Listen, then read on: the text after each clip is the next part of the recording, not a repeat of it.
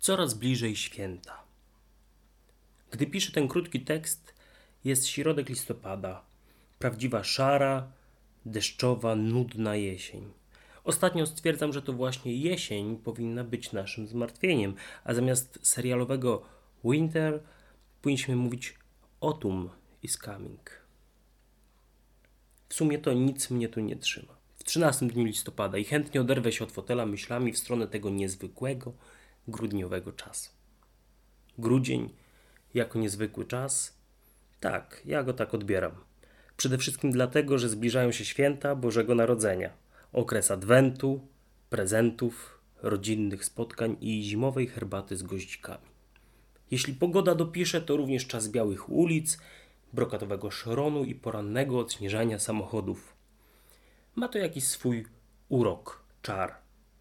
Skoro czar, to niewykluczone, że i iluzję, za którą kryje się przyczajony marketing, ukryta reklama. I nic dziwnego. Każdy chce zarobić na tych, którzy chcą wydać swoje ciężko zarobione pieniądze. Cóż prostszego. Już teraz, w połowie listopada, można zaopatrzyć się w zestaw małego adwenciaka, kupić Mikołaja, kalendarz czekoladkowy i ozdoby świąteczne. Strach pomyśleć, co będzie się działo w marketach i galeriach handlowych 6 grudnia, czyli w dniu, w którym zamierzam puścić ten materiał w obieg. Dzięki symbiotycznej równowadze popytu i podaży rokrocznie kupujemy jako społeczeństwo za dużo produktów spożywczych, które później wyrzucamy, a wielkie świąteczne grudniowe promocje w styczniu okazują się jedynie uwerturą do wielkich wyprzedaży, obok których grzechem byłoby przejść obojętnie. Czy święta są więc tym, czym powinny być? To właśnie pytanie wzbudza we mnie ochotę delikatnego przeciwstawienia się komercjalizacji i sekularyzacji świąt i jak co roku zamierzam napisać coś na ten temat. Tym razem tekst ten jest jednocześnie pierwszym tekstem na blogu www.sensoholic.com.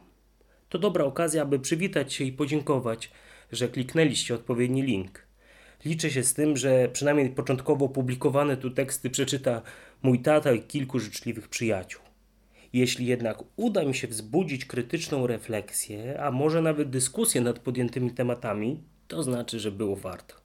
W końcu jaki lepszy prezent niż pobudzenie prowadzące do dialogu mógłby zażyczyć sobie pod choinkę taki filozof amator jak ja. Adrem. Jak mogę przeciwstawić się rzeczonej komercjalizacji i sekularyzacji świąt? Dobrym pomysłem wydaje się postawienie w centrum rozważań ich tytułowego bohatera Boga. Dlatego niniejszy artykuł prawdopodobnie zainteresuje przede wszystkim tych z moich znajomych, którzy określają się mianem chrześcijan. Możliwe, że coś dla siebie znajdą również poszukujący agnostycy, ponieważ staram się prowadzić myśl w perspektywie całościowej oraz nieinwazyjnej. Takie przynajmniej mam założenie. Przyjaciele ateiści zapewne będą woleli zaoszczędzić swój czas i nerwy, dlatego też w trosce o Wasz komfort już teraz życzę wszystkiego, co najlepsze, zdrowia i pogody ducha. Czy Bóg może się urodzić? Przejdźmy do meritum, a możemy zacząć od pytania, dlaczego święta grudniowe nazywa się Bożym Narodzeniem? Czy nie jest przypadkiem tak, że Bóg jest takim bytem, który sam nie ma początku, a narodziny bezsprzecznie kojarzą się właśnie z początkiem? Czasem uczniowie pytają katechetów: Skoro Bóg stworzył wszystko, to kto stworzył Boga? Rzadko pada poprawna odpowiedź. Często natomiast uczniowie spotykają się z bezsilnością opakowaną w drwinę czy naganę. Tu przypomina mi się wypowiedź pana Paszczaka z bajki Muminki, która mogłaby w takiej sytuacji niejednemu katechecie posłużyć za radę. Wiesz, zwierzył się Włóczykijowi, takie to jest miłe, jeśli chodzi o ciebie, że mało mówisz. Wydajesz się niesłychanie mądry, dlatego że się nie odzywasz. Pytanie uczniów jest jak najbardziej zasadne, ponieważ nasza intuicja wypracowana na podstawie doświadczenia życia podpowiada, że wszystko ma jakiś początek. Skoro tak, to i Bóg powinien go mieć. Przy takim założeniu należałoby ustalić, czy powstanie Boga miało jakąś przyczynę, czy nie. Można przyjąć, że Bóg powstał bez przyczyny, jednak to również przyczyna naszemu naturalnemu odruchowi umysłu. Wszystko, co powstaje, ma jakąś zewnętrzną względem siebie przyczynę. Przy wyborze dwóch nieintuicyjnych poglądów, pierwszy Bóg istniał od zawsze bez początku, drugi Bóg powstał bez przyczyny, osobiście wybieram ten pierwszy. Łatwiej mi uwierzyć, że coś było od zawsze, niż że nie było dosłownie niczego i absolutnie bez żadnej przyczyny powstało cokolwiek. Należy więc rozważyć pogląd o tym, iż powstanie Boga było warunkowane czymś zewnętrznym. Jednak w takim układzie właśnie ta praprzyczyna Boga byłaby faktycznie nazwana Bogiem. Niezależnie czy miałaby postać osobową, czy bezosobową. Tak samo zrobilibyśmy z przyczyną tej przyczyny, a także z każdym poprzedzającym je ogniwem łańcucha przyczynowo-skutkowego, ponieważ na tym między innymi polega idea Boga, że jest pierwszą przyczyną wszystkiego, sam natomiast jest nieuwarunkowany, to znaczy nie posiada swojej przyczyny, gdyż istnieje sam w sobie, albo inaczej, sam dla siebie jest przyczyną istnienia. Chyba, że znalazłby się taki śmiałek, który byłby w stanie przyjąć rozwiązanie na wzór matematycznej nieskończoności, a więc nieskończenie ciągnącego się łańcucha naprzemiennych przyczyn i skutków. O ile nie trudno wyobrazić sobie, iż od dowolnej liczby można odjąć jeden, o tyle uzasadnienie logiczne nie dopuszcza takiego rodzaju argumentacji w wyjaśnianiu zjawisk zachodzących w świecie. Określa go mianem błędu regressus ad infinitum, cofanie się w nieskończoność. Mamy zatem trzy opcje. Pierwsza, Bóg jest przyczyną pierwszą wszystkiego, sam nie posiada zewnętrznej przyczyny swego istnienia, istnieje od zawsze. Druga, Bóg jest przyczyną pierwszą wszystkiego, sam nie posiada zewnętrznej przyczyny swojego istnienia, ale powstał z niczego.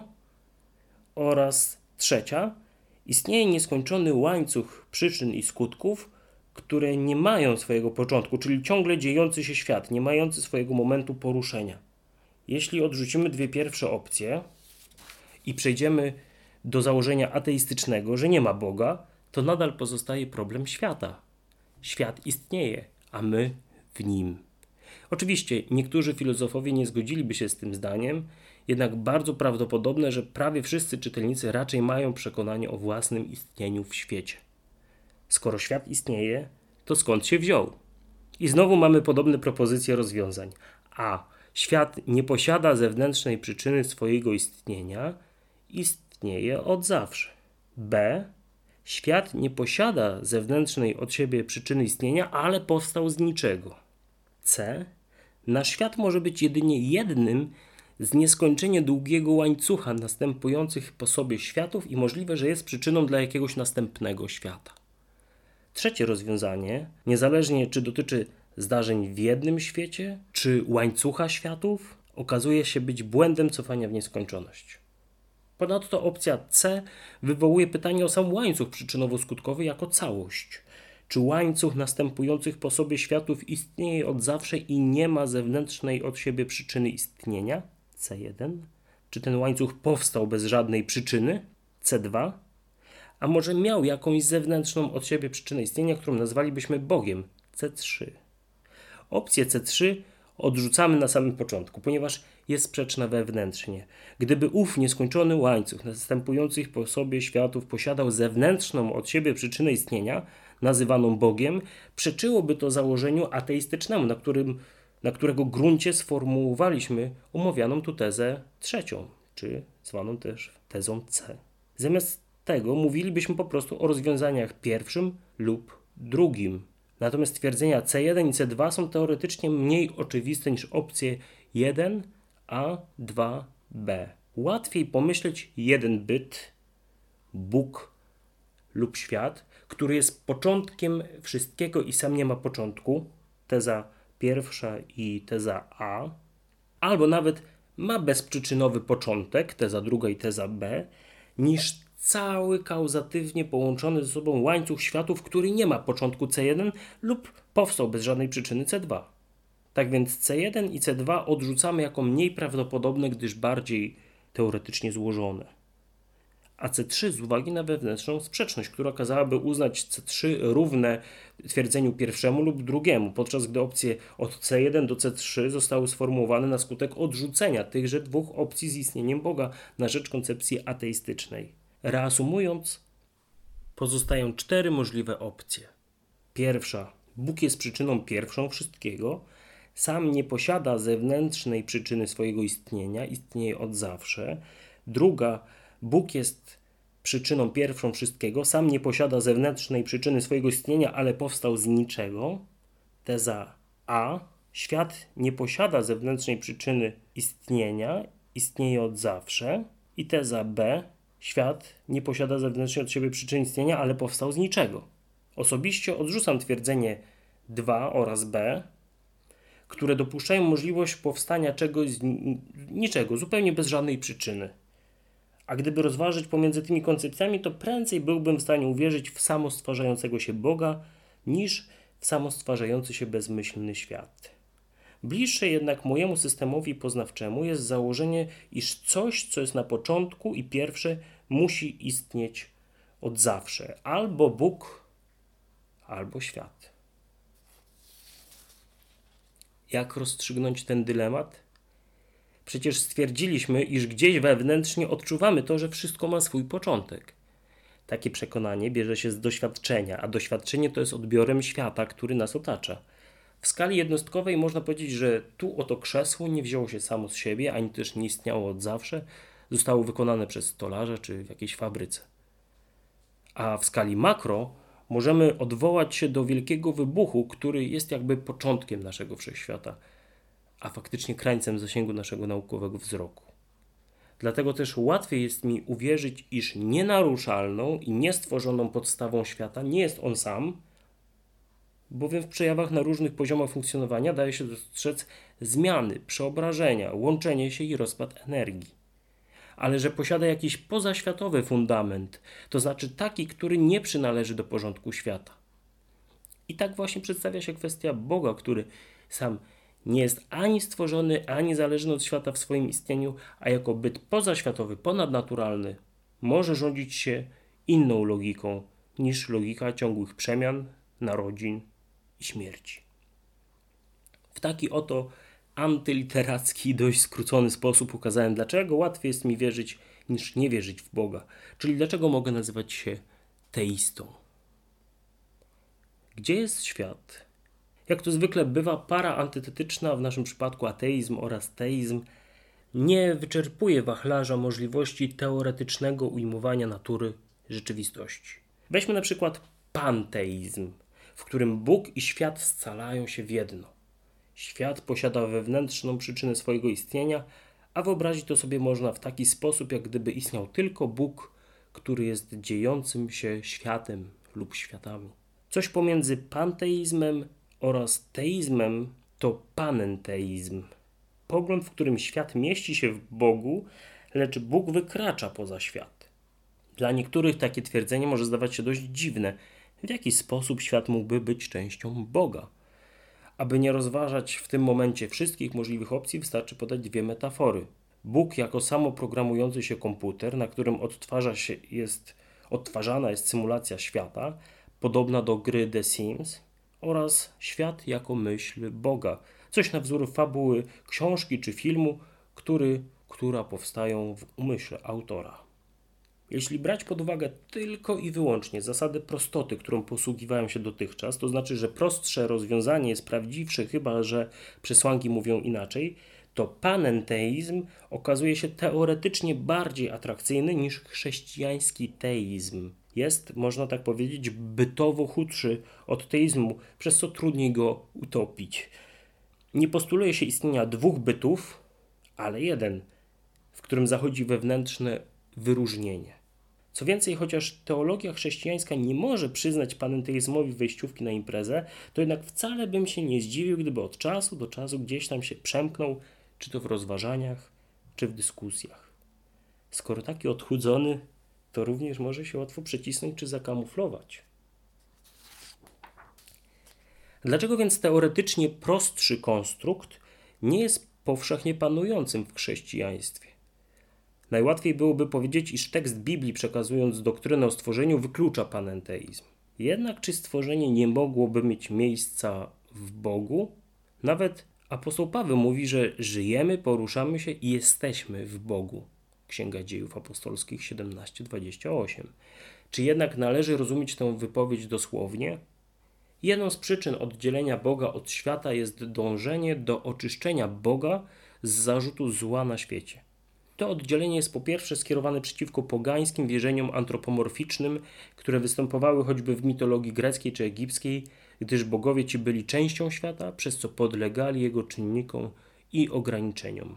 A z drugiej strony, włączenie świata do Boga, tak jak w panenteizmie, skutkowałoby logicznym wnioskiem, iż zło istnieje w Bogu, podczas gdy tekst Biblii wyklucza taką możliwość. Ewangelia Mateusza 19:17, list Jakuba 1:17. Następnie również świat poprzez oddzielenie od Boga zyskuje cel, kierunek rozwoju, jakim jest Stwórca. W perspektywie chrześcijańskiej wszystko zmierza do zjednoczenia z Bogiem. Pierwszy list do Koryntian 15:28, list do Kolosan 1:16. Owszem, można wyobrazić sobie jakieś wydzielenie świadomości Boga, pomniejszenie jej i skierowanie na rozwój. Jednak jeśli chcemy prowadzić dyskusję w chrześcijańskiej recepcji Biblii, to taką wersję uznamy za mniej prawdopodobną, ponieważ interpretacja tekstu, która by ją wspierała, jest bardziej złożona i wymuszona przez warstwę filozoficzną. Inaczej mówiąc, świat i to, co jest w nim, ma za zadanie rozwijać się, a ów rozwój jest tożsamy ze zbliżaniem się do Boga. Być może jeszcze istnieją jakieś racjonalne przesłanki za dystynkcją Bóg, świat, te natomiast wydają się być wystarczające. Przypomnijmy. Po pierwsze, oczyszczenie Boga z zarzutu istnienia w nim zła oraz po drugie, ukierunkowanie świata na Boga. Bóg się urodzi. No to co z tym Bożym Narodzeniem? Skoro Bóg istnieje od zawsze, nie mając początku, nie czerpiąc z zewnątrz przyczyny swojego istnienia, stwarza świat, który jest bytowo odrębny od Niego samego, to w jaki sposób możemy wyobrazić sobie narodziny Boga? I tu dochodzimy do cudu inkarnacji, czyli wcielenia.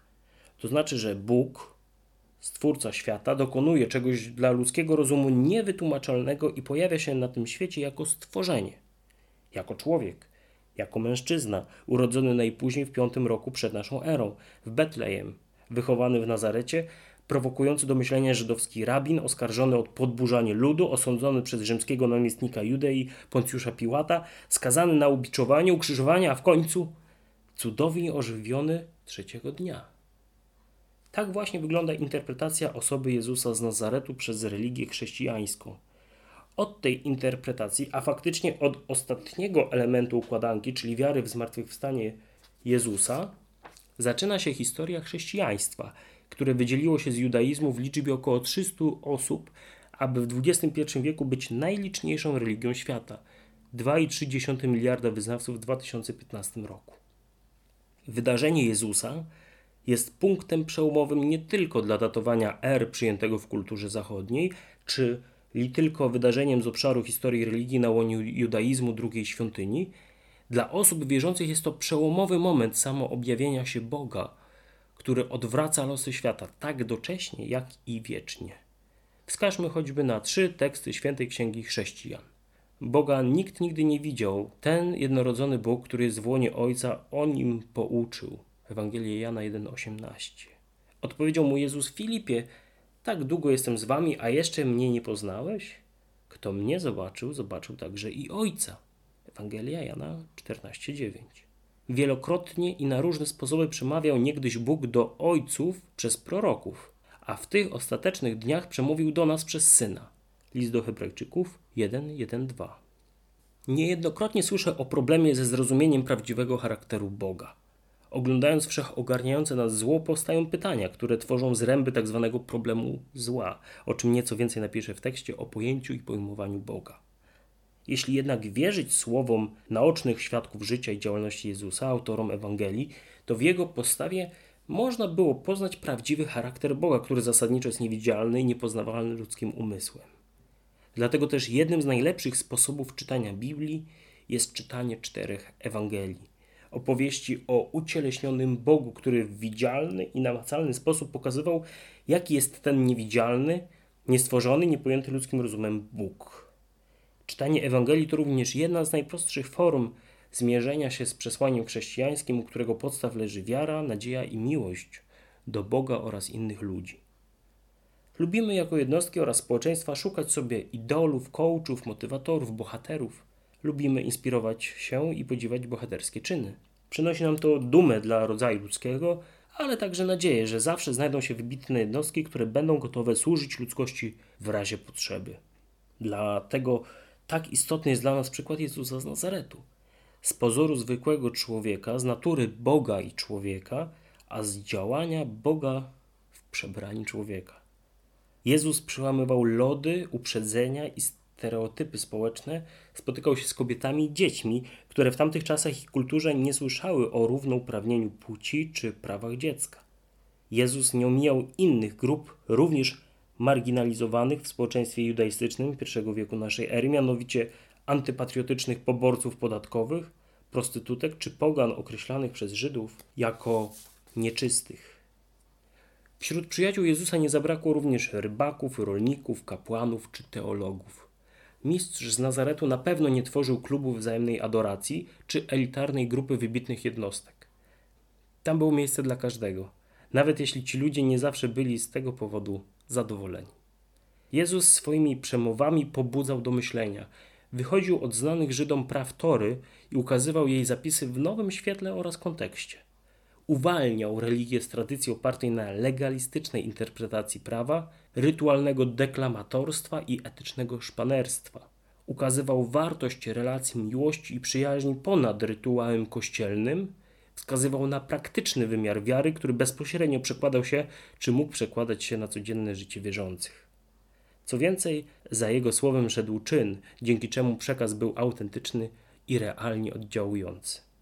Według rozmaitych danych, które od jakiegoś czasu staram się śledzić, jedną z najczęstszych przyczyn odejścia młodych ludzi z kościoła lub od wiary w Boga jest kościelna hipokryzja.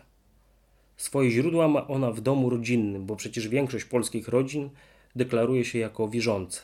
Następnie rozwijana jest podczas szkolnej katechezy, a finalizowana w zakrystii, seminariach duchownych czy nawet w samym Watykanie.